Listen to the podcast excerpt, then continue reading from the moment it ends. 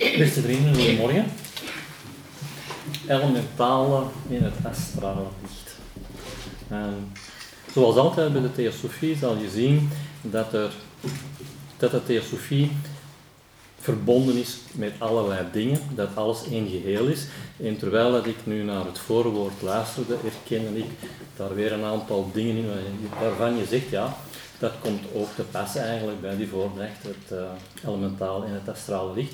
En ik moet zelfs zeggen dat je een verband kunt zien met Pasen. Nu zul je wel zien, alles is met elkaar verbonden. Ehm, om te beginnen, ehm, zoals altijd, uh, weet u dat datgene wat ik te zeggen heb um, altijd een subjectieve interpretatie is van de objectieve geschriften van William Van Judge, Robert Crosby en Helena Petrovna Blavatsky. Dat wil dus zeggen van datgene wat ik nu te zeggen heb, dat daar geen enkele autoriteit van uitstraalt en dat wat ik te zeggen heb enkel en alleen maar de manier van kijken is waarop dat ik het momenteel begrijp. Dus u bent gewaarschuwd, geloof niet alles van wat ik zeg. Uh, deze voordracht bestaat eigenlijk uit uh, drie deeltjes. We gaan nog eens even herhalen uh, wat we nu met elementalen bedoelen. We gaan het hebben over het astrale licht, over akasha en dan eigenlijk vooral ehm, hoe dat allemaal met elkaar verbonden is. En dat is wel een beetje ehm, het belangrijkste feitelijk. Ik hoop, want het is een beetje een bizar onderwerp dat u, wat ik zou willen aanreiken, een soort formule waarbij dat u kan zien dat inderdaad alles met elkaar verbonden is en dat u daar een systeem in ziet. Um, indien we nog tijd hebben, kunnen we ook nog even een beetje doorbomen. Ik weet niet, we zullen wel zien over wat nu eigenlijk, u hebt allemaal gehoord dat er een zwart gat gefotografeerd is. En het is ook interessant om eens te zien wat theosofie nu eigenlijk denkt van Akasha en hoe dat de kosmologie in feite is. Ik heb u zo wat dingen op het bord uh, gezet. We zien wel of dat we komen of niet, maar het belangrijkste feitelijk is dit. Dus, um, elementaal. We gaan dat nog eens even snel herhalen. Uh, uh, zodat u er zich iets bij kan voorstellen. Wel, om te beginnen uh, moet u elementalen eigenlijk zien, eerst en vooral als krachtvelden en niet als wezens. Alhoewel natuurlijk, de theosofie zegt dat heel het universum een uitdrukking is van de krachten van wezens. Er zijn alleen maar wezens. Ons zonnestelsel is een wezen, het, het, het, heel, het, het, het, de kosmos is in feite één wezen, alles hangt aan elkaar. Dus, en ook ondanks het feit natuurlijk dat je in de volksverhalen dat elementalen altijd worden afgebeeld als wezens. Ik denk maar aan de aardelementalen, aan dwerg, dwergen, uh, elfen, uh, de waterelementalen als undinen, de luchtelementalen als sylfen, de vuurelementalen als salamanders. U kent de verhalen wel en we hebben er vorige keer ook een voordrachtje over gegeven. Um, wat ook nog belangrijk is om te onthouden is dat elementalen nog goed, nog slecht zijn. Uh, elementalen hebben altijd een dubbele werking, zowel centrumzoekend als centrumverliedend. In de zin dat het centrum zoekend is, dat zij een foto, vooral, en dat moet je onthouden, zij um, doen dienst als de fotografie, als de database van het universum. Zij leggen alles vast en juist zoals u nu met uw moderne camera's, als u een foto trekt, u bijna oneindig kan inzoomen, zo is dat ook met elementalen. Elementalen reflecteren ook alles. En dat is ook belangrijk om te onthouden als u echt het, de relatie wilt zien tussen Akasha en het astrale licht, want die zijn innig met elkaar verbonden. Um, de werking van die uh, elementalen die, uh, is onbewust en automatisch. Dat wil dus zeggen dat je tot elementaal niet kan bidden of dat je kan hopen dat je misschien iets doet wat niet gefotografeerd wordt. Nee, nee, het is onbewust en automatisch en u begrijpt onmiddellijk dat elementalen heel belangrijk zijn in de werking van karma. Want zij leggen alles vast en zij reflecteren ook alles, vandaar de werking van karma. Elementalen, um, zo wordt gezegd, zijn dus um, de on, ze worden ook genoemd de onbewuste godsvonken. Zij worden ook genoemd de werktuigen van de goden. Zij worden ook genoemd de levensatomen van de oorspronkelijke substantie. Zo noemt HPB ze ook oorspronkelijke substantie. Ja, dan weet u waarover ik het heb. Dan wordt er verwezen naar eigenlijk de oorspronkelijke substantie, mula prakriti. Maar dan ook de levensatomen, met andere woorden, het, um, het monadische daarvan. Dus levensatomen van de oorspronkelijke substantie, werktuigen van de goden, onbewuste godsvakken. Uh, dat wil dus uh, ook zeggen dat uh, elementalen overal aanwezig zijn. Er is niks dat zonder elementalen werkt. al is het gewoon maar bijvoorbeeld organen die worden in het lichaam samengehaald. Niks, maar dan ook niks werkt zonder elementalen. De elementalen zijn die krachtvelden. Um, dus dat wil ook zeggen, u hebt in de vorige voordracht gezien dat je kan zeggen, oké, je hebt het eerste elementaalrijk, tweede elementaalrijk, derde elementaalrijk, en dan wordt er een poging gedaan om daar een onderverdeling aan te geven, zoals uh, uh, onbewust, halfbewust, bewust, uh, fysiek, mentaal, cognitief.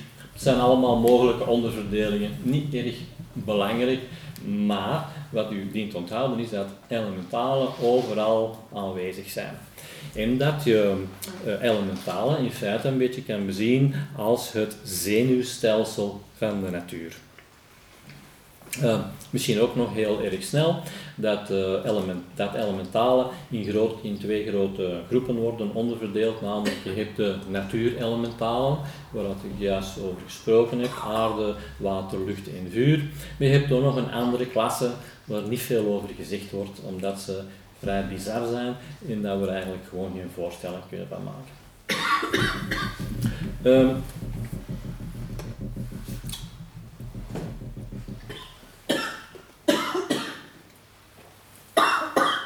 elementalen kan je dus eigenlijk zien uh, als de bouwstenen van de natuur. En elementalen beïnvloeden ook de elementen van de natuur. Die elementen, hebt u vorige keer ook gehoord, zijn levende wezens. Bijvoorbeeld het vuur, zoals dat nu in de vierde ronde, de vierde bol, het vijfde wortelras is. Dat vuur dat was helemaal anders bijvoorbeeld in het eerste wortelras en het zal in het zevende wortelras ook anders zijn. Dus het zijn levende wezens die aan evolutie onderhevig zijn, de elementen, en zij worden beïnvloed of gestuurd door de elementale. Um, wij hebben gesproken over de vier elementale rijken, hè, aarde, water, vuur, uh, aarde, lucht, uh, aarde, water, lucht en vuur. Maar als u een beetje uh, leest, zal u bijvoorbeeld ook zien dat Akasha bijvoorbeeld beschouwd wordt als het vijfde element. En dat is ook wat in de theosofie staat, dus dat er nog een elementaal zichtbaar zal worden dat te maken heeft met de doordringbaarheid. En als we heel de, het verhaal van de gsm's en toestanden, als we dat maar volgen, dan wordt dat wel duidelijk dat die akasha, dat die doordringbaarheid, wel degelijk iets wordt van uh, de komende eeuwen. En dat zich dat verder zal doorzetten. Maar er zal ook nog een zesde en een zevende elementale rij komen. Um, u weet ook dat elementalen uh, superkrachtig zijn op het gebied waar dat ze van toepassing van zijn. En u weet ook dat elementalen daarom, uh, dat de kennis van elementalen daarom door de Mahatma's um, beperkt wordt, zullen we maar zeggen. Ze wordt niet gemotiveerd om daar dingen mee te gaan doen, omdat elementalen zo krachtig zijn. Um, dus we hebben, nu, we hebben gezegd dus dat uh, elementalen moet je bezien als krachten en niet als wezens feitelijk. Dat is belangrijk. Um, een tweede punt is dat u uh, moet weten over die elementalen, is dat elementalen uh, zich in allerlei vormen kunnen uitdrukken. En als je dan zegt, ja, in welke vormen dan? Ja, waar worden die vormen dan opgeslagen? Wel, die, die vormen die worden opgeslagen in het astrale licht en ook in de sfeer, zoals William Quan Judge zegt, die rond elk wezen uh, aanwezig is. En er wordt een kleine hint gegeven, zo zegt, wordt er bijvoorbeeld gezegd dat de moeder de vormen aan haar kind zal doorgeven. Dus met andere woorden, als u in uw droom bijvoorbeeld met elementale vormen of dingen uh, ziet, dan kan, dan, dan kan dat zijn dat dat elementalen zijn die u gewoon doorgekregen heeft uh, van uw moeder of van de moeder van uw moeder. En dat gaat zo zeer lange tijd door. Um,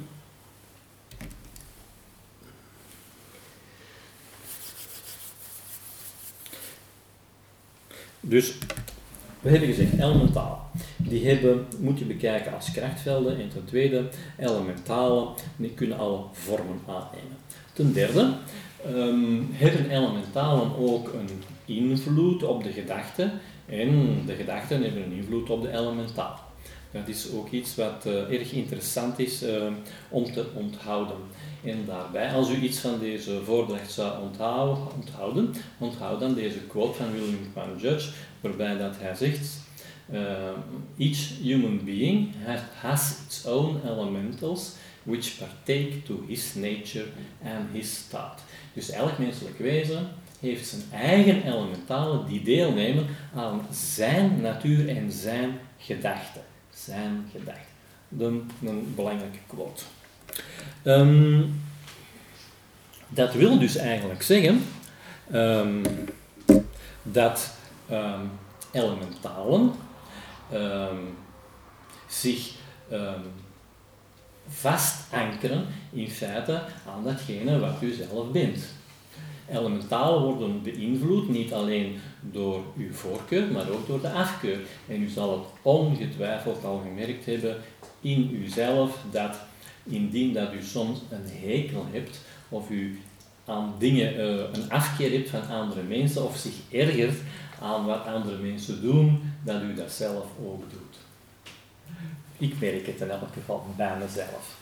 Dus um, elementalen zijn eigenlijk de psychische levensatomen. En die psychische levensatomen, dat is ook belangrijk, die worden bij elke reïncarnatie keren die terug tot de monade waar dat ze thuis horen.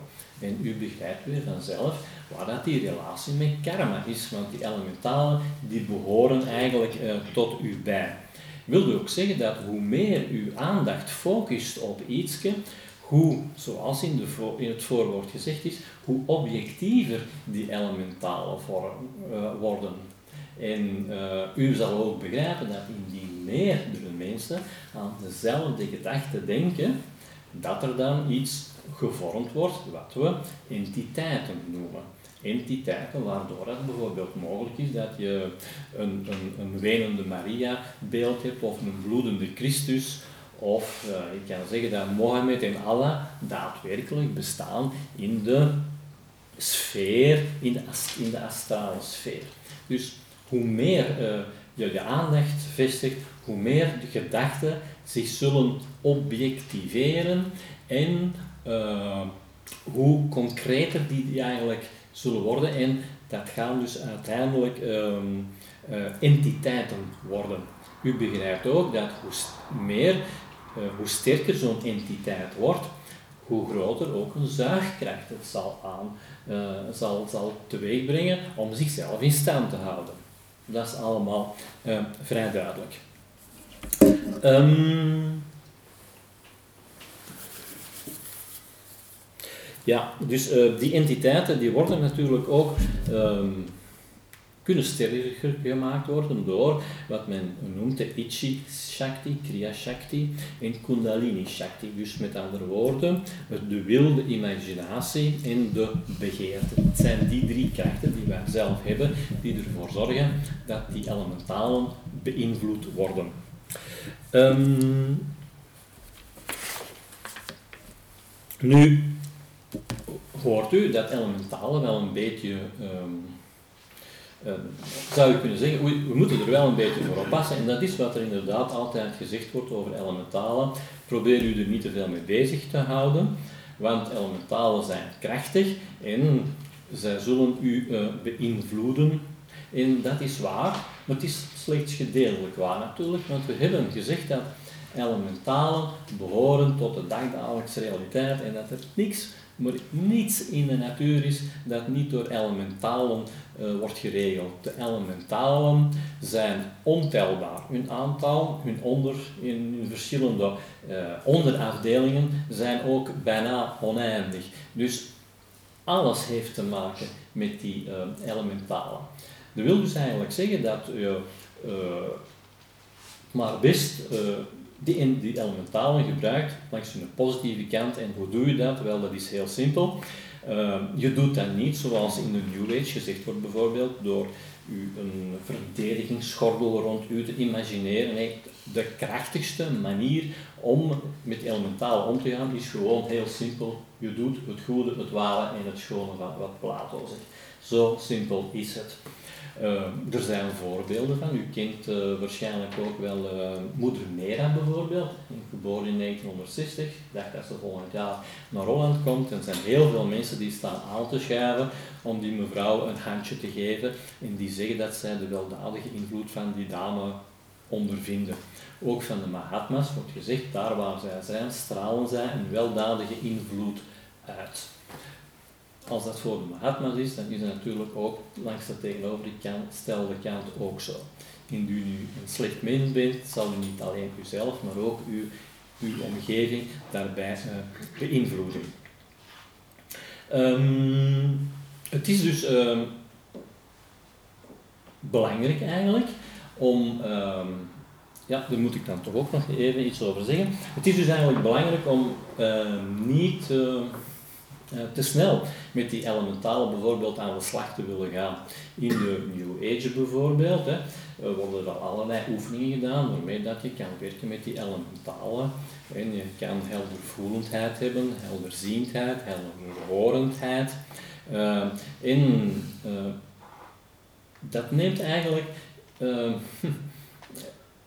je zou versteld staan van hoe snel dat, je, dat er resultaten feitelijk komen. Iets heel simpel, een oefening waar we bijvoorbeeld een, uh, 20 jaar geleden mee begonnen zijn, ben, is je hebt een kringetje met mensen, je geeft handen en je laat energie vloeien en je voelt ze. Een vorm van helder, heldervoelendheid, bijvoorbeeld iets wat dikwijls toegepast wordt.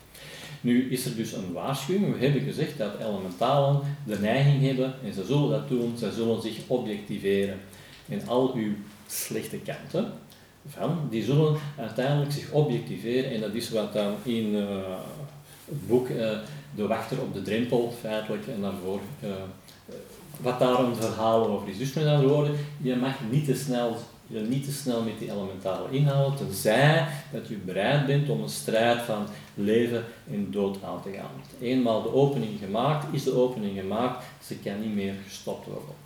Dat is. Stelt u even voor dat u een, ergens woont waar een enorme dam is en u bent echt nieuwsgierig wat er achter die dam is. En die dam die is meters dik en u begint een klein gaatje te boren in die dam. En uiteindelijk, ja, zal je zien dat het water erdoor komt. Die komt er dan door met de kracht van enkele tonnen per vierkante centimeter. Je kan dat niet meer staan. Dus het is een strijd van leven en dood die wachter op de drempel, die moet verslagen worden. Als die verslagen is, heb je ook natuurlijk tegenovergestelde, de Oogwadius, het hoger zelf. Je kan face-to-face komen met je eigen godheid, maar je mag er niet te snel aan beginnen. Uh, er wordt ook wel eens, uh, er zijn mensen die af en toe ook zo eens naar helderzienden gaan. En uh, u moet ook weten dat helderziendheid niet wil zeggen dat er een eh, spiritualiteit, een, verhoging is van spiritualiteit. Een helderziendheid heeft eerder te maken met de ontwikkeling van die astrale zintuigen, niet met een toename van spiritualiteit. Het kan eh, hand in hand gaan, maar dan gebeurt het doorgaans uh, automatisch en niet door middel van wilsinspanningen op dat terrein. Het kan zeer goed zijn dat uw astrale zintuigen ontwikkeld zijn, dat de spiritualiteit nul is. En dat wil dus eigenlijk zeggen dat je vroeg of laat in het gekkenhuis terechtkomt. Zo, zo simpel is dat. Um, voilà, ik denk dat we zo wel ongeveer. Um, dus um, we hebben gezegd dat elementalen, dat dat uh, krachtvelden zijn, dat je uh, alle vormen kunnen aannemen, dat de gedachten daar heel erg uh, belangrijk zijn. En ten vierde, dat elementalen zich vroeg of laat zullen objectiveren. En dan is er nog een laatste puntje uh, wat we daarover willen zeggen. En nu keren we dus terug naar wat William van Judge erover zegt. Each human being has its own elementals who partake to his nature and his thoughts. Met andere woorden, u merkt al, er is een vijfde punt. Elementalen horen bij ons thuis. En elementalen maken deel uit van de wezenheid van, elke, van elk wezen. Um, er is een interessante. Even drinken.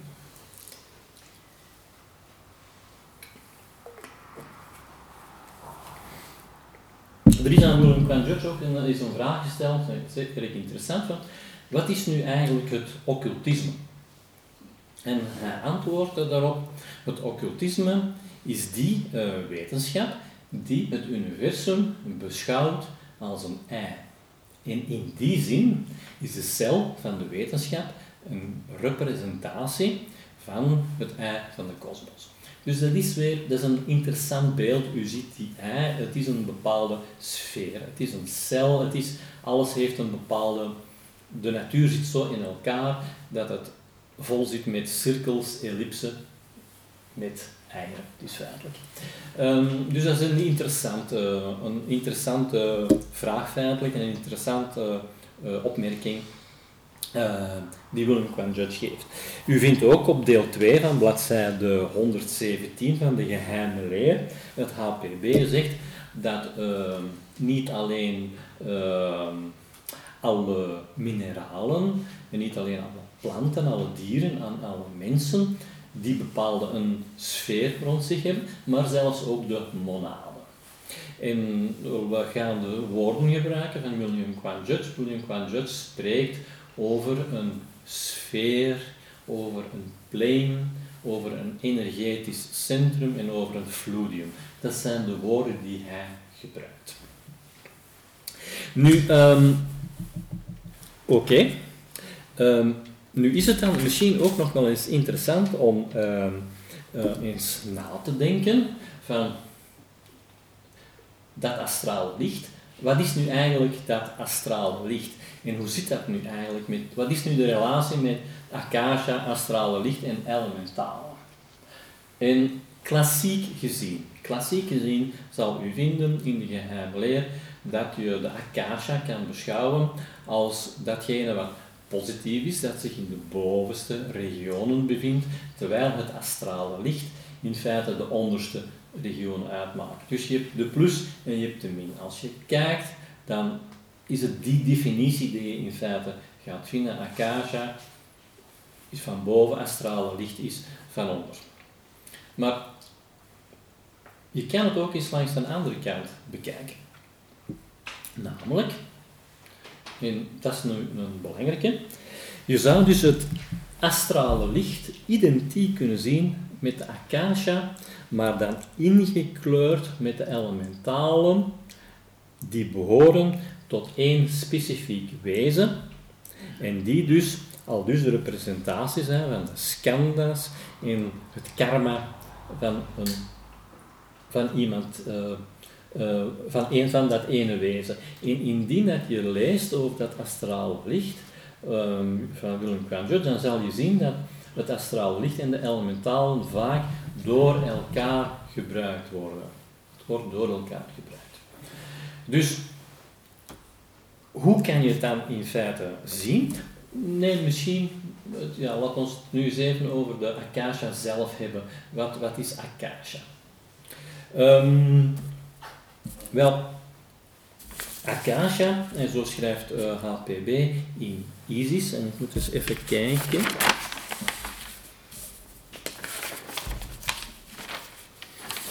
Uh, ISIS, blad, uh, deel 1, um, nummer, uh, bladzijde 25.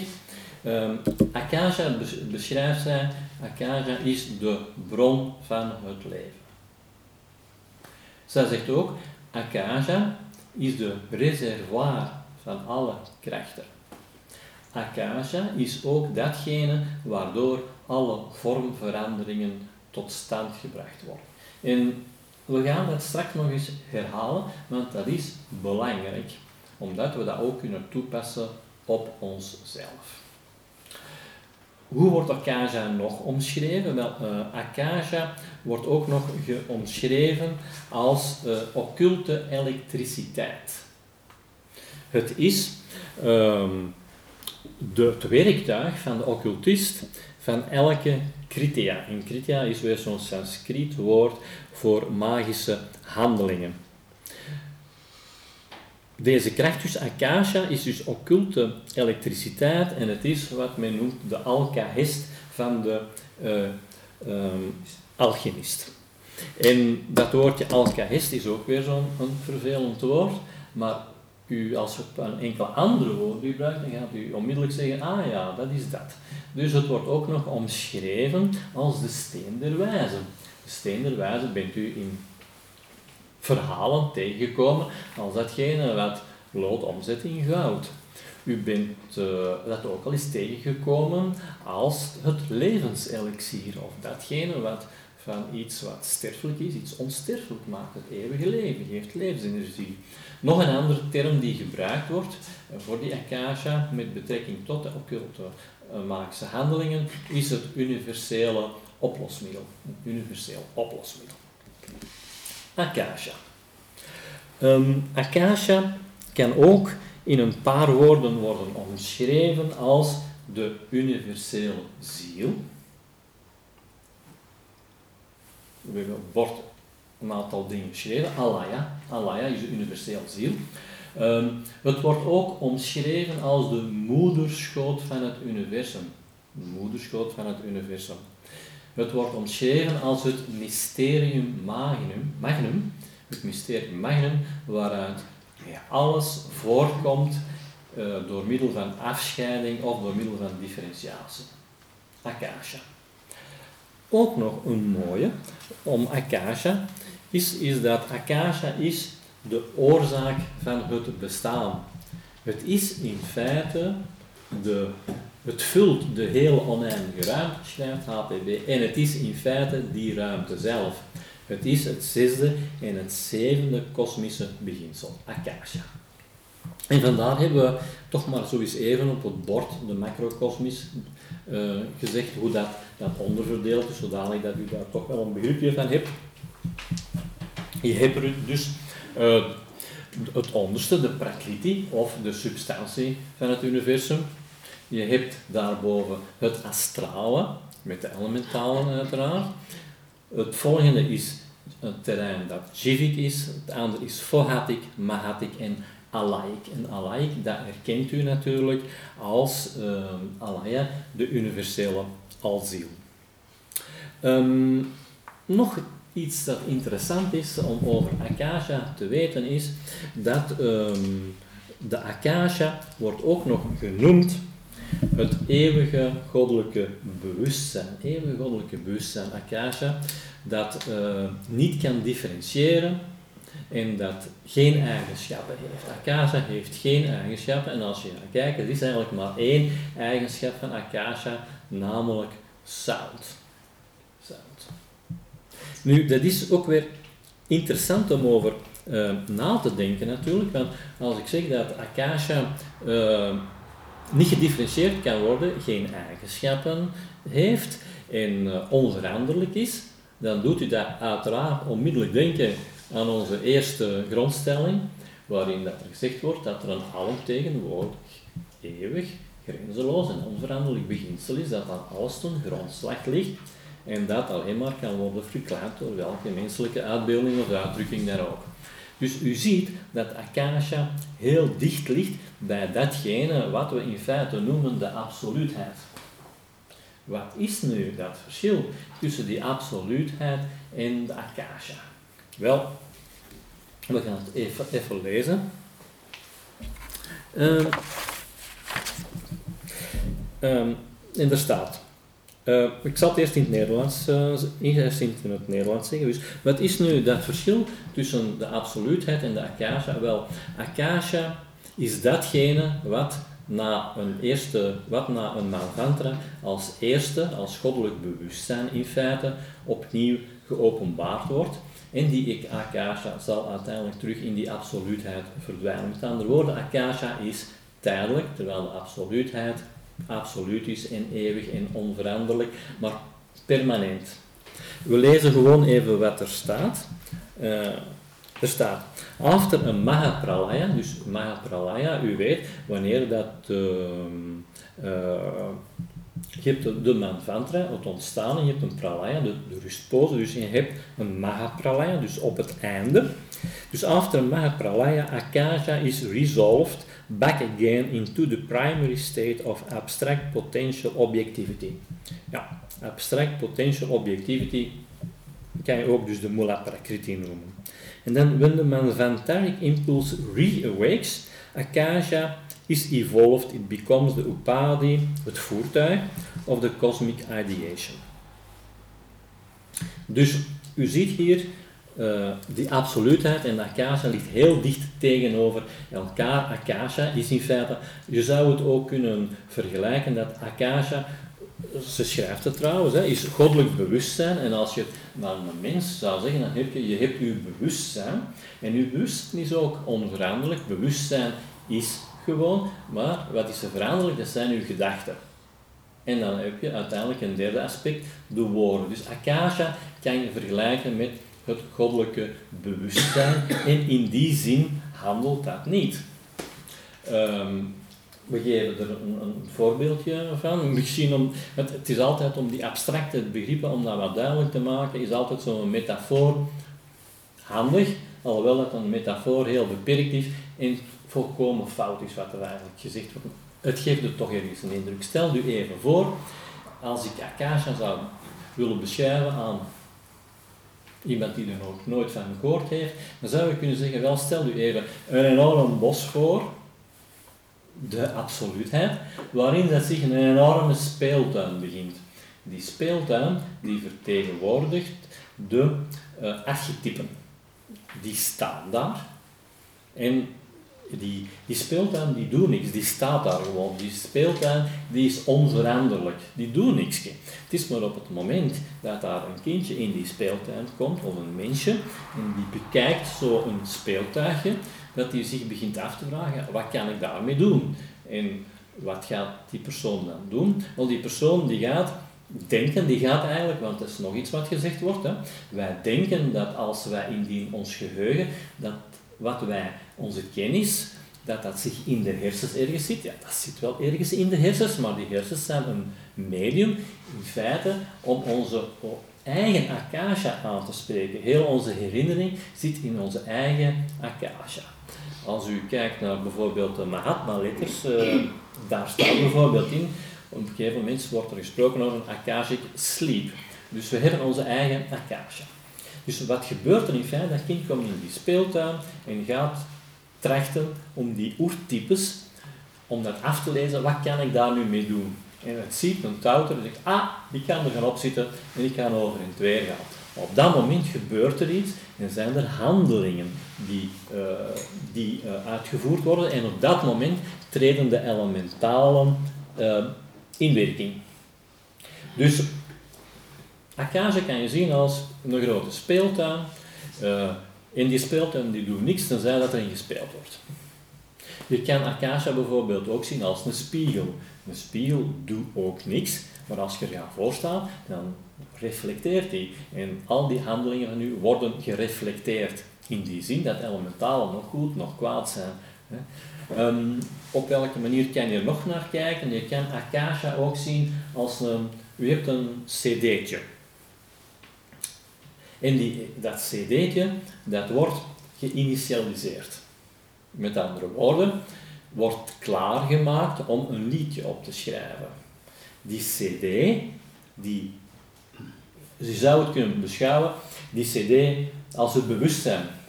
Je gaat die cd initialiseren, er staat nog geen enkel, geen enkel liedje op, maar je maakt het klaar. Je zet de archetypes klaar. Op het moment dat je een liedje gaat branden, wat gebeurt er dan? Wel, dan worden de elementalen wakker en die gaan dat uh, plaatje, die gaan daar magnetische impulsen op doen en dat blijft daar voor eeuwig en altijd op staan. En of dat je nu uh, heavy metal speelt of uh, Gregoriaanse gezangen, hetgeen dat je erop brandt, dat zal terug reflecteren. Dus, en zo is dat dus bij het ontstaan van een nieuwe wereld in feite ook zo. Je hebt iets wat je de akasha kunt noemen. Dat is het bewustzijn, het goddelijke bewustzijn. Je hebt de elementalen. De elementalen zijn dus die magnetiseerbare krachten die een fotografische weergave geven van alle handelingen van tijdens die manvantra en die die uiteindelijk zullen reflecteren en die de ideeën die in de akasha aanwezig zijn, zullen um, ja, reflecteren in feite volgens de wetten van de natuur. Ja, waar komen die wetten van de natuur vandaan? Dat gaan we nog zien. Die wetten van de natuur is ook weer het resultaat van voorkosmische ideatie en voorkosmische substantie. Nou, we komen er zelfs op rond. Nu, um, misschien ook nog enkele interessante dingen voor u. Uh, om te weten is dat um, er zijn nog voor de akasha in de, Hind, de Hindus bijvoorbeeld, die noemen het Swabhavat. In het noordelijk boeddhisme wordt daar de term Adi Buddha genomen of Alaya, Alaya de universele alziel. De Grieken die spreken over de Chaos, de Brahmanen die spreken over Pradana.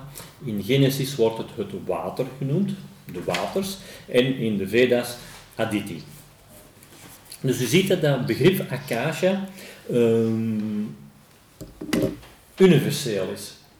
En we gaan het er nu niet, over, nu niet over hebben, maar er is een tijd geweest, er is, men heeft altijd die akasha in de oudheid het belang ervan ingezien, totdat er op een gegeven moment, maar zeg het, we gaan het er niet over hebben, in 1907 er een Nobelprijswinnaar was, uh, uh, uh, hoe noemden hem nu weer al? Ja. Ja, ja. Albert Michelson bijvoorbeeld, die bewees dat Akasha niet bestaat. 1907. En toen heeft men heel dat idee van Akasha in de vuilbak gegooid. Uh, nadien, nadien uh, zijn er andere experimenten, experimenten geweest waaruit dat dan uh, bewezen werd dat Akasha eigenlijk feitelijk wel bestaat. En, ehm, dan denk ik bijvoorbeeld aan het Casimir-effect, maar daar zullen we het nu niet gaan over hebben. Dus waarbij dat, en nu momenteel, maar dat wil ik toch wel zeggen, is dat Akasha, dat de ruimte, is het meest hotte studieobject dat je in de astronomie maar kan bedenken. Er is niks zo interessant dan de lege ruimte. En dat heeft ook bewezen, die foto, al die moeite die men gedaan heeft om dat zwarte gat uh, te fotograferen, trouwens iets waar men twintig jaar over gedaan heeft, om zover te komen.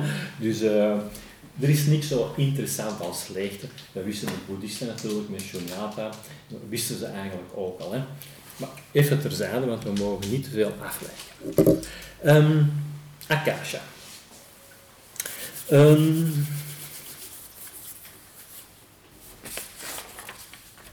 uh, u ziet... Uh, ik wil toch nog even, omdat we zeggen, we willen het eigenlijk vooral hebben over. Uh, u moet een beetje in de theosofie de formule goed begrijpen. En u kent onze standaard, uh, de zes bollen, bladzijde 200, deel 1. En uh, u kan daar ook natuurlijk ook akasha en elementalen in terugvinden.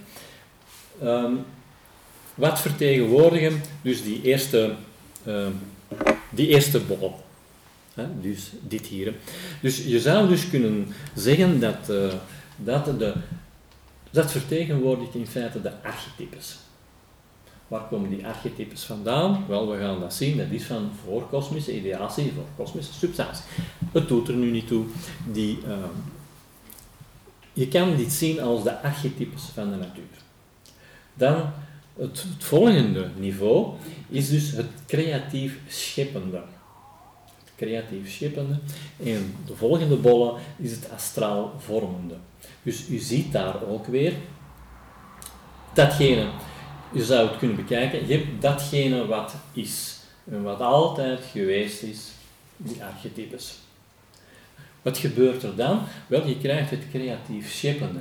En in het creatief scheppende worden, wordt de kosmos wakker.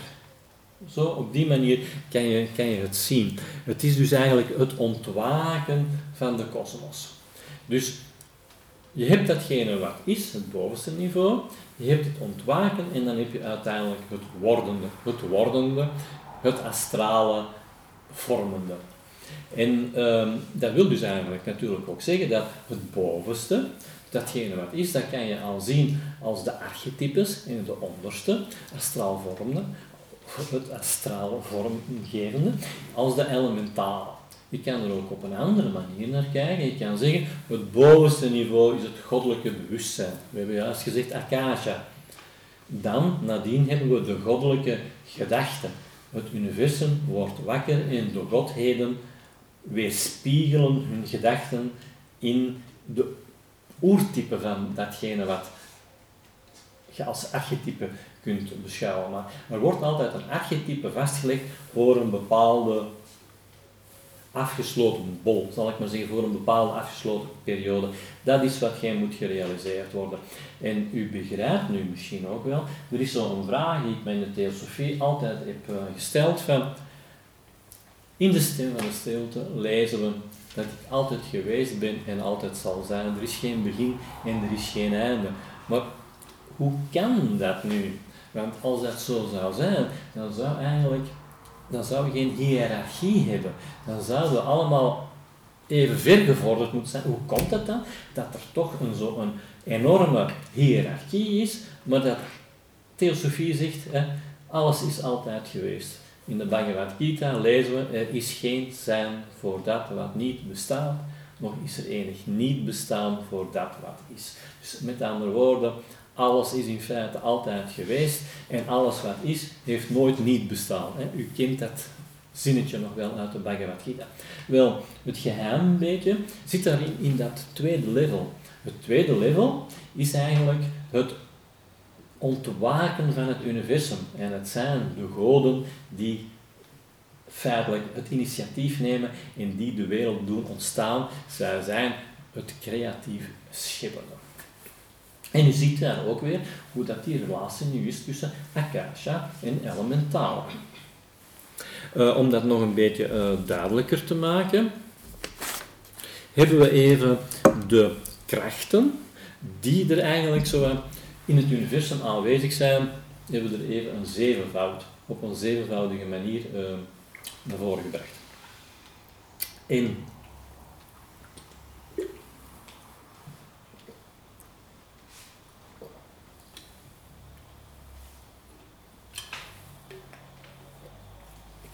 U weet allemaal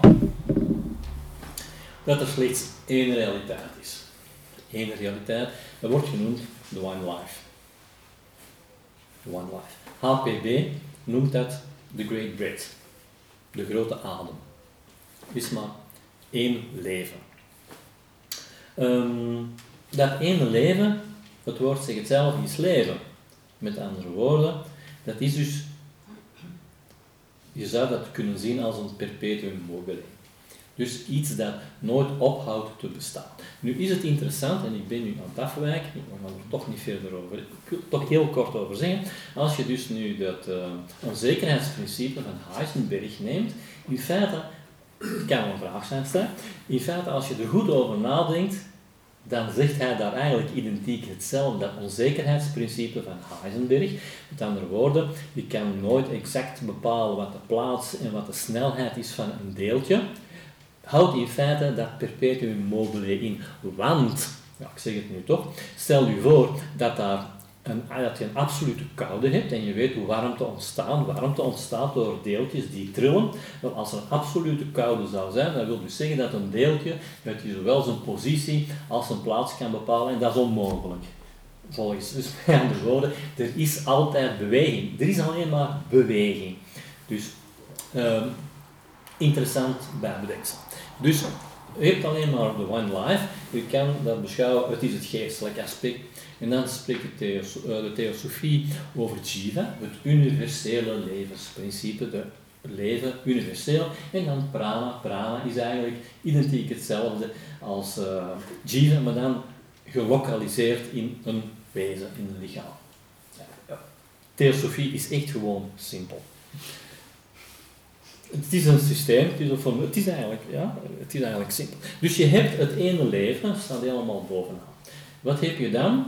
Wel, uh, in onze eerste grondstelling uh, wordt gezegd dat indien dat je de metafysische drie-eenheid van geest, streepje, stof hè, beschouwt uh, als eh, de wortel waaruit alles bestaat, wel dan neemt de grote adem, de Great Brit, One Life, het karakter aan van voorkosmische ideatie. U weet dat nog, dat staat in onze beginsel. Uh, dat gaat in onze eerste grondstelling. Het is de fons et origio van kracht en van alle individuele, uh, van alle individuele leven en bevat de leidinggevende kracht in het onmetelijke plan van kosmische evolutie staat. En juist zo is voorkosmische substantie de grondslag van stof voor alle materie. Dat is wat er staat. Dus je hebt dus de one life. Die one life, het volgende puntje is voorkosmische ideatie in voorkosmische substantie. En u ziet daar nu weer ook al dat verband met akasha. Want waar komt die akasha dan vandaan? Ja, dat is die van die voorkosmische ideatie gedachten en voor kosmische substantie. Akasha is gewoon een uitdrukking ervan door de logos. De logos, Akasha kan je zien als het goddelijke bewustzijn, als de totaliteit van alle dianchoans, als de logos bewustzijn van de logos zelf.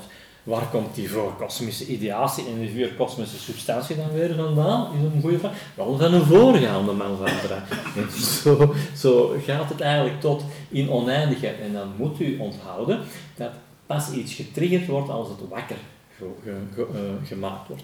Dus dan kom je tot het derde aspect, namelijk akasha terecht.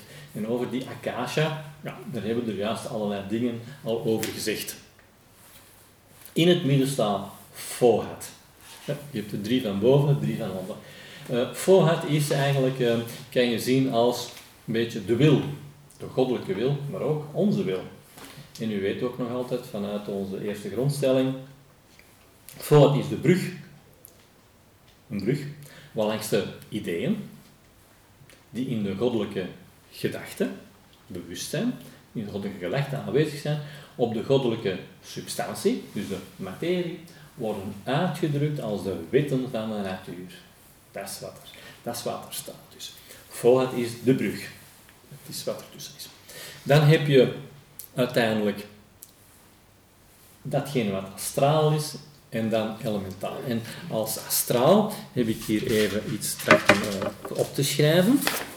Uh, astraal kan je beschouwen als de werkelijke substantie van het universum en is in feite de omzetting op de verschillende planes van wat we er juist gezegd hebben, de ideële gedachten die in de akasha van die manvantarische periode aanwezig zijn en die het plan vormen van de natuur. Waar komt dat plan van de natuur vandaan? Ja, dat is het plan van de godheid zelf, van die bepaalde cyclus. Waar komt dus die plan van de natuur dan vandaan? Het is, zoals het eigenlijk staat, voor kosmische ideatie, voor kosmische substantie. Um, dus het astrale. Dan heb je de, het, de, elementale. En als de elementale um, kan je dus zien als de, de elementale zijn in feite de, magnetische substantie. Het is een magnetische substantie die een fotografische, hebben we ook gezegd, een fotografische weergave vormt van alle handelingen die in die bepaalde manvantra gebeuren en die een reflectie daarvan zullen geven, zodanig dat alle handelingen van de wezens die, die in die manvantra dingen doen, wel dat al die handelingen, dat al hun daden, en dat kan geestelijk zijn, subjectief en objectief, en, dat, en, en geeststof met andere woorden, wel dat die tot evenwicht zullen komen, dan zitten we weer aan kern, of elkaar zullen opheffen. Dus alle handelingen komen ofwel in harmonie tot evenwicht en uiteindelijk zullen ze elkaar opheffen. En, uh, hmm. Het is heel interessant om bijvoorbeeld om eens te lezen wat Stephen Hawking uh, daarover te vertellen heeft, want die zegt dat eigenlijk ook. En uh, ja, ik heb dat stukje bij. Ja. ja. maar Stephen Hawking zegt daar in feite eigenlijk ook iets heel interessants over. Um, dus u ziet in feite um, zes en dan ten zevende hebben we daar geschreven AE, maar dat kan ook even goed iets anders zijn. Met AE bedoelen we een autonome eenheid, het perpetuum mobile. Je kan het ook noemen de akashische essentie. Je kan het ook noemen de ME of de monadische essentie. Je kan het ook noemen de SGE, de sui generis essentie. HPB is bijna eindeloos in haar geheime leer om daarnaar te verwijden op heel veel verschillende manieren. Het is met andere woorden die, die sfeer, dat plane, uh, dat energetisch centrum, dat fluidium waar uh, William Quan Judge naar verwijst. En Um, ik heb u gezegd, we hebben er in al in het begin over Akasha, hebben we iets gezegd en nu ga ik identiek hetzelfde zeggen, maar dan met betrekking op mijzelf. Dit zevende aspect van ons, dat energetisch centrum, is de bron van mijn leven. Dat zevende aspect is de totaliteit van alle energie. Het is het reservoir van alle energie van mijn leven. Niet alleen van mijn leven, maar ook van al mijn toekomstige levens. Het is mijn energie. Het is die essentie die ervoor zorgt dat ik door alle rijken van de natuur zal heen gaan en die de kracht geeft om tot metamorfose te komen. Dus u ziet hier dat die akasha, we hebben het eerst op een kosmisch niveau genomen, Akasha is in feite ook van toepassing op mijzelf. De macrocosmos is de microcosmos. Dat wil dus zeggen dat die essentie, die kan toenemen, die kan afnemen. Die essentie, die kan gegeven worden, die kan ook gestolen worden.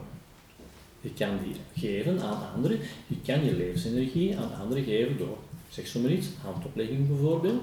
Je kan je eigen energie doen toenemen door betrokken te zijn met andere mensen. Daardoor neemt die kracht, die levensenergie toe. Het is datgene wat eigenlijk uw levensenergie bepaalt, maar universeel, je hebt het dan universeel en voor één bepaald leven. Het is dus eigenlijk de kracht die ik vertegenwoordig. Dat wil dus ook zeggen dat ehm, die kracht substantieel is. En substantieel, dan komen we weer terug in het eenvoudige van de theosofie. Je hebt eenheid in verscheidenheid. Door substantie, vorm, zorgt ervoor dat iets kan differentiëren. Daarom kan de ene eenheid, die wij eigenlijk zijn, zich niet uitdrukken. Je kan je enkel en alleen maar uitdrukken door middel van beperktheid. Enkel vorm kan een uitdrukking zijn van die ene essentie die dat wij werkelijk zijn, en dat is dan substantieel. We wijken weer heel eventjes af als we denken bijvoorbeeld aan wat Einstein gezegd heeft met zijn relativiteitstheorie, waarin dat hij zegt dat ruimte-tijd een, een, een, een, een, een continuum is en dat zij gegolfd is. Ze is gegolfd, samen.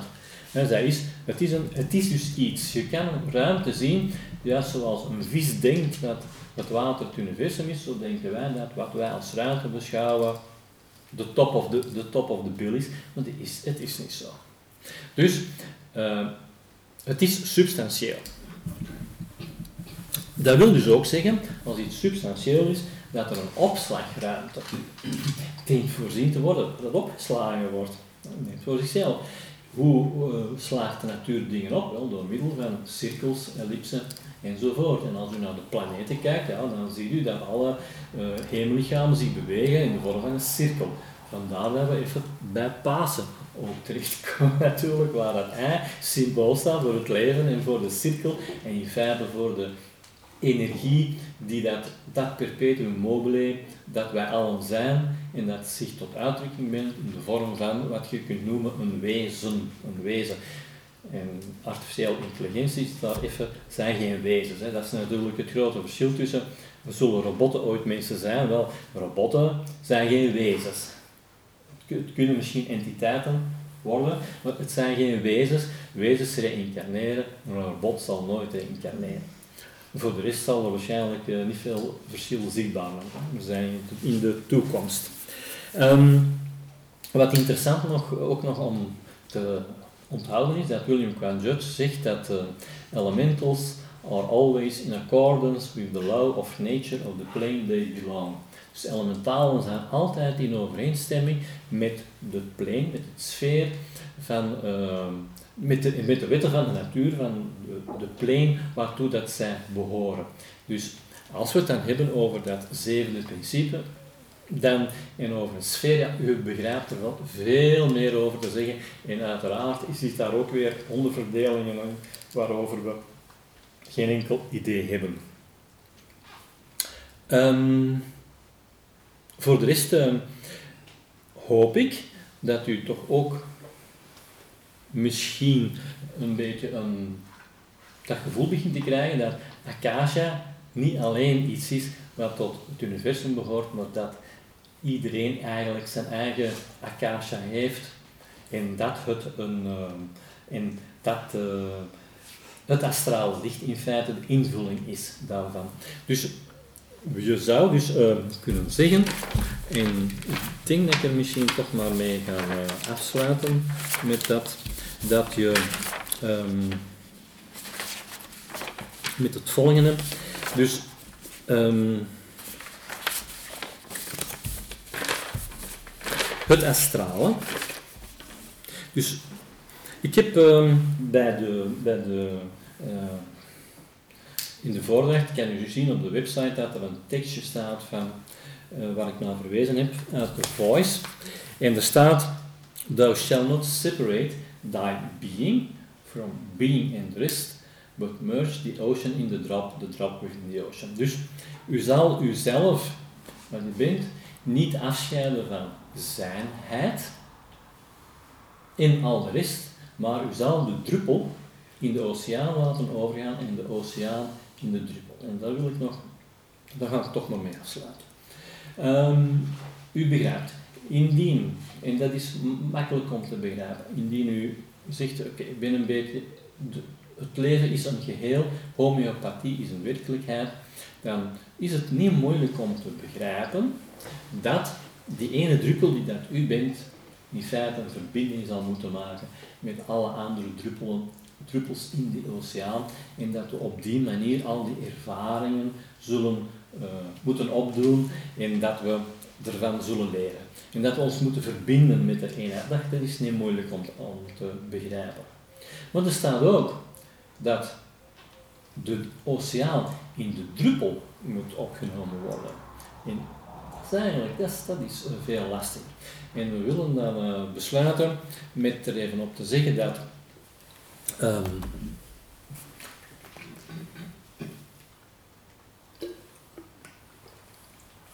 erop te wijzen dat elementalen zich kunnen uitdrukken als skandas en als chayas. U hebt al begrepen dat elk wezen dat opnieuw geboren wordt, handelingen doet, gedachten pleegt en dat dat elementalen hun weg vinden en dat al die handelingen gevolgen zullen hebben en dat alles wat u doet opgeslagen wordt op een fotografische manier en dat de reflectie ervan uw karma zal vormen en dat die elementalen van leven tot leven meegaan. Dat is wat we eigenlijk al gezegd hebben, begrijpt Maar we hebben ook nog andere elementalen, namelijk de elementalen van onze vaders, onze vaderen in de hemel. En we hebben er eigenlijk, zou kunnen zeggen, we hebben vijf, vijf vaders. En wij hebben ook de beschikking over de elementalen van onze vaders. En in die elementalen zit de potentialiteit van al die vaders in, zodanig dat de oceaan ook in de druppel kan komen. We hebben het al gezegd in vorige voordrachten, de mens is een samengesteld wezen. En de vader die u allemaal kent is natuurlijk uw vader en uw moeder. En u hebt daar fysieke vader en moeder. En u hebt daar uh, bepaalde uh, dingen van geërfd. Maar we hebben ook nog een astrale vader die uh, in de theosofie maanpitris wordt genoemd. En wij zijn, wij zijn de maanpitris. Wij zijn datgene die wij zijn die vorm. Hij gaat zijn vorm aan ons geven. Hij gaat een deel van zichzelf uitoezen, zodanig dat daar een vorm mee kan gemaakt worden. Um, met andere woorden, die elementalen van onze maanvader zijn wij ook. Maar we zijn ook de maanvader van die vader die ons ons bewustzijn gegeven heeft. Met andere woorden, de zonnepitris. Dat wat wij ook zijn. En wij hebben ook al die potentialiteiten van onze zonnepitris. Wij hebben ook alle elementalen die de logos, want uiteindelijk de logos is datgene, is de eenheid van alles. Wij hebben ook die elementalen. De logos is ook een wezen, hè, mahat, dat periodiek is. Wij hebben ook alle elementalen van die logos, de volledige potentialiteit van die logos, in elk van ons. Ten vierde en ten slotte hebben wij de potentialiteit van de oneindigheid zelf, datgene wat ondenkbaar en onuitsprekelijk is. En het is een beetje spijtig, maar ik ga het bord niet meer omdraaien. het is uh, tien na twaalf het is misschien interessanter om uh, iets over te vragen dan het bord misschien om te draaien. Dat weet ik. Jouw lezing was heel interessant en biedt heel veel toegang tot verder denken. En prikkelt altijd enorm de nieuwsgierigheid, waardoor we hopen dat er weer een, een vervolg gaat komen, van die andere kant van het bord. Maar um, een stukje nieuwsgierigheid is toch naar dat stukje ook van Stephen Hawking. Heb je nu misschien de gelegenheid om daar iets over te zeggen? Dat, is, dat behoort eigenlijk tot dat derde deeltje. Oké. Eh, als er geen vragen zijn, dan wil ik wel één stukje voorlezen eruit. En dan kan het ook te zijn dat er andere, want we gaan altijd verder en verder en misschien, uh, ik ga eerst kijken dat er misschien nog wat vragen zijn. Ja. Ik moest even denken bij het zevende mhm. punt, of wij daar zelf invloed op hebben. Dat moeten we toch kunnen verbeteren. Wel, ik, wel, ja, dus ik heb eigenlijk gezegd dat het zowel kan gestolen worden. Ja. Het kan toenemen en het kan afnemen. Maar je kan het beschouwen als dat perpetuum mobile, die kracht die dat wij zijn. En uiteraard, dat kan toenemen en afnemen. Ja, en we hebben daar uiteraard een invloed bij. En je zou kunnen zeggen dat hoe groter de spiritualiteit is, ook hoe groter die kracht is. Maar er zijn, zijn kapers op de kust natuurlijk. Je hebt, u leest, u kent ook al die uh, verhalen over uh, Dracula bijvoorbeeld, die het bloed gaat opzeggen. Wat, wat gebeurt dan in feite? U ziet ook, als u naar filmpjes kijkt, dan ziet u dat er wezens zijn die die kracht uit u kunnen zuigen en opnemen. Zijn vormen van, we het niet over van zwarte magie. Dus je kan dus, die kracht die kan afgenomen worden, maar je kan die zelf uh, laten toenemen. En je zou kunnen zeggen dat eigenlijk de voornaamste kracht om die, dat te laten toenemen, liefde eigenlijk is. Die eenheid, die verbondenheid, um, um, ruimte, potentialiteit. Dus jezelf verbinden met andere wezens zorgt er natuurlijk voor dat een stukje van hun energie ook bij jou komt en dat je op de duur een geheel wordt in feite. Dus ja, je hebt daar invloed op, ja. En ook op het afschermen van Wel, dat afschermen, dat is een beetje de New Age waar je in feite, ik denk bijvoorbeeld aan Reiki. Ik heb het zelf ook gedaan, Reiki. Uh, dat kan best werken, Reiki, maar uh, uiteindelijk word je een beetje een slaaf van. Op den duur ga je bij alles en nog wat die spreuken opzeggen om je te beschermen. Ik heb het ook gedaan. Ik ging solliciteren, ah, Reiki, oké, okay, bla bla bla bla. Oké, ik ben klaar voor mijn interview. Black Magic. Het is een vorm van black magic. Je hebt het niet nodig. Je hebt het, je hebt het niet nodig. Je maakt je afhankelijk van iets. En afhankelijkheid is niet spiritueel.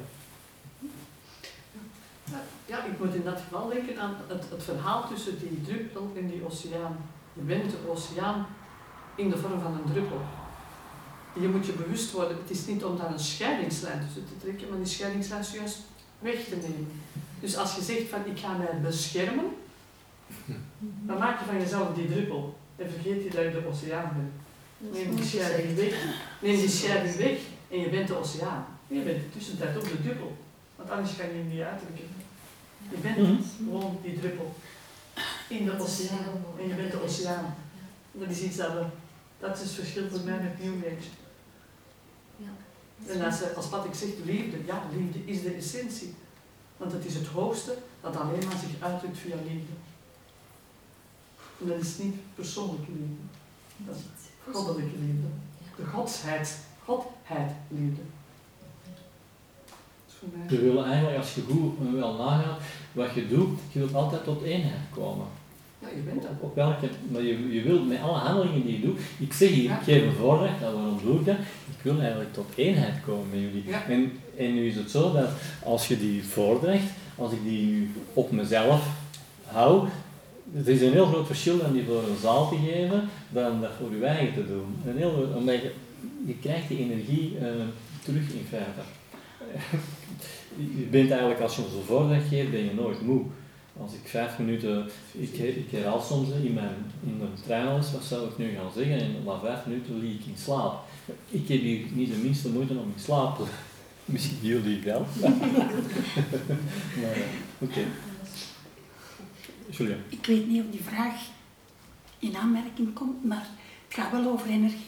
Als ik de voeten masseer mm bij mensen, en bij sommigen ben ik doodop. Mm En bij sommigen niet. Mhm. En ja, ja. Het is dat aan mij, wat, wat is dat? Wel, ja, mag ik hier ook over mijn energie over?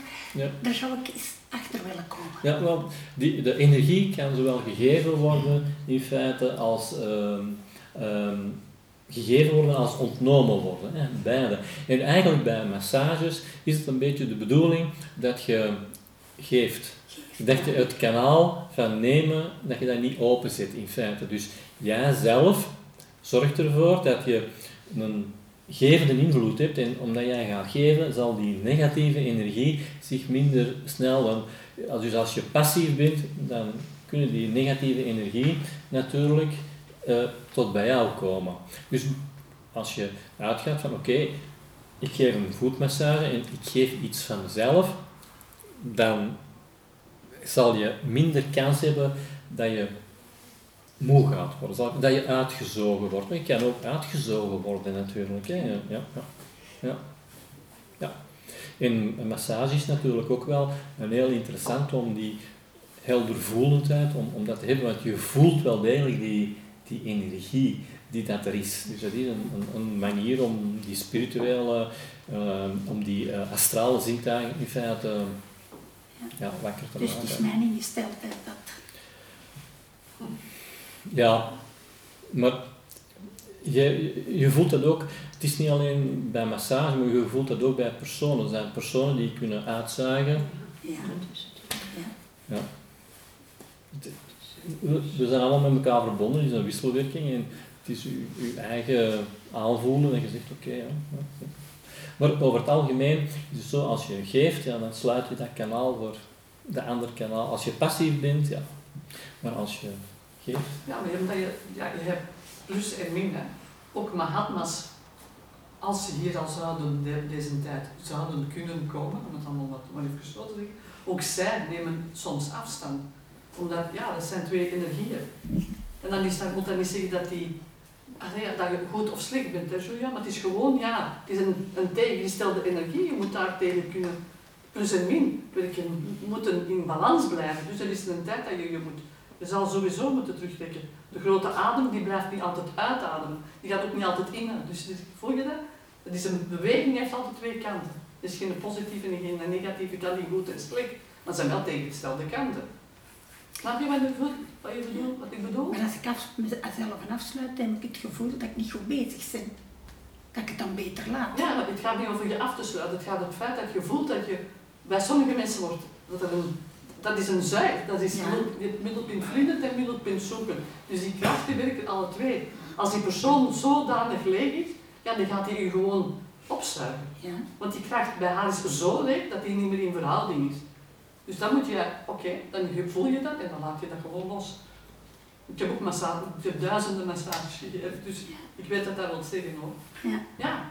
Dus je voelt dat ook, dat die wisselwerking, oké, voor die moment heb jij aan die vrouw of die man gegeven. Oké. Okay. Moet alleen zorgen dat jij niet, dan moet zeggen dat je niet alles kunt geven. Een vampier neemt inderdaad alles, want die moet daaruit leven. Die pakt al je levensenergie op. Maar het is een wisselwerking. Maar Hatmas deden dat ook. Hè. Die bleven ook niet hier. Hè. Die gingen terug naar hun eigen plane. Mm -hmm. Zijn die dan zeggen, oh man, ik had die dan niet kunnen, waarom zou wij dat? Dus het, is het hoofd. Het moet daar zijn. Hè. Het moet altijd een...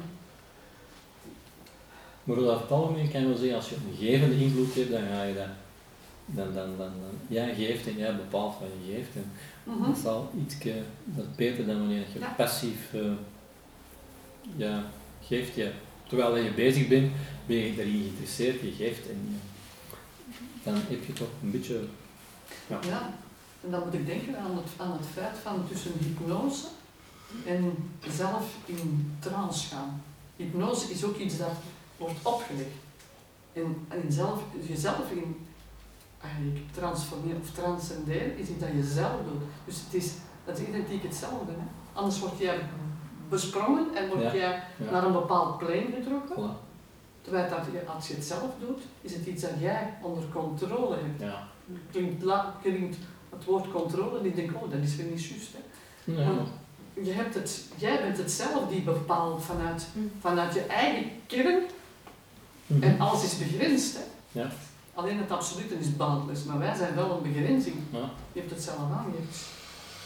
We zitten zelf in een sfeer ja. waar, we, waar we in dienen te blijven. Je hoeft dus, je ei niet te breken. Hè. Dus seances en zo, blijft er gewoon weg ja. als je staat. Tegenwoordig hoort je daar niet veel meer, niet meer over. Hè. Er zitten ook wat vampir, vampiristische toestanden in. Hè. Ik denk dat ik maar, het is 20 na. Ja. Voilà, ik dank u voor uw aandacht.